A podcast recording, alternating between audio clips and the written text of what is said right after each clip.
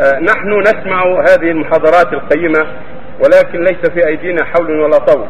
لكن من للنوادي والمسلسلات والفيديو والفيديو والفيديوهات وما ينضم إليها التي أفسدت الدنيا والدين معا.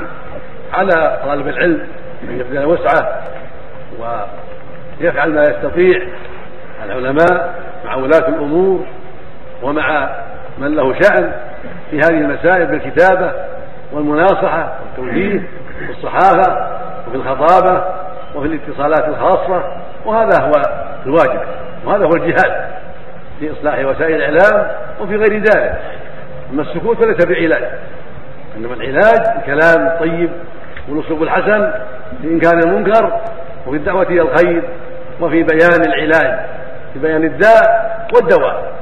تذكر الداء وأضراره وخطره وتذكر معه الدواء حسب علمك وقد تخطئ وتصيب والآخر يخطئ ويصيب فيجتمع الصواب ويترك الخطأ.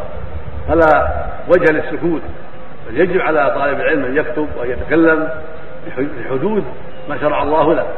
في في خطبته في مجتمعاته مع إخوانه في مدرسته في تعليمه للأولاد إذا كان أستاذا في غير ذلك من الوجوه يعلم ما شرع الله ويعلم ما أمر الله به ورسوله.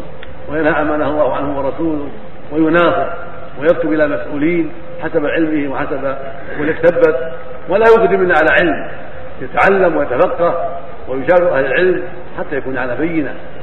فإذا كان على بينة قد يكتب ولينصح وليوجه ويستعين بالله عز وجل. وقد قال النبي عليه الصلاة والسلام أدنوا النصيحة.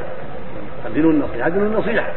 وبايع النبي صلى الله عليه وسلم جرير بن عبد الله البجري على النصح كل مسلم. والنصح يكون بالكلام والكتابة ويكون بالفعل والعمل الصالح ويكون بالخطب ويكون بغير ذلك من وجوه النصح. نعم.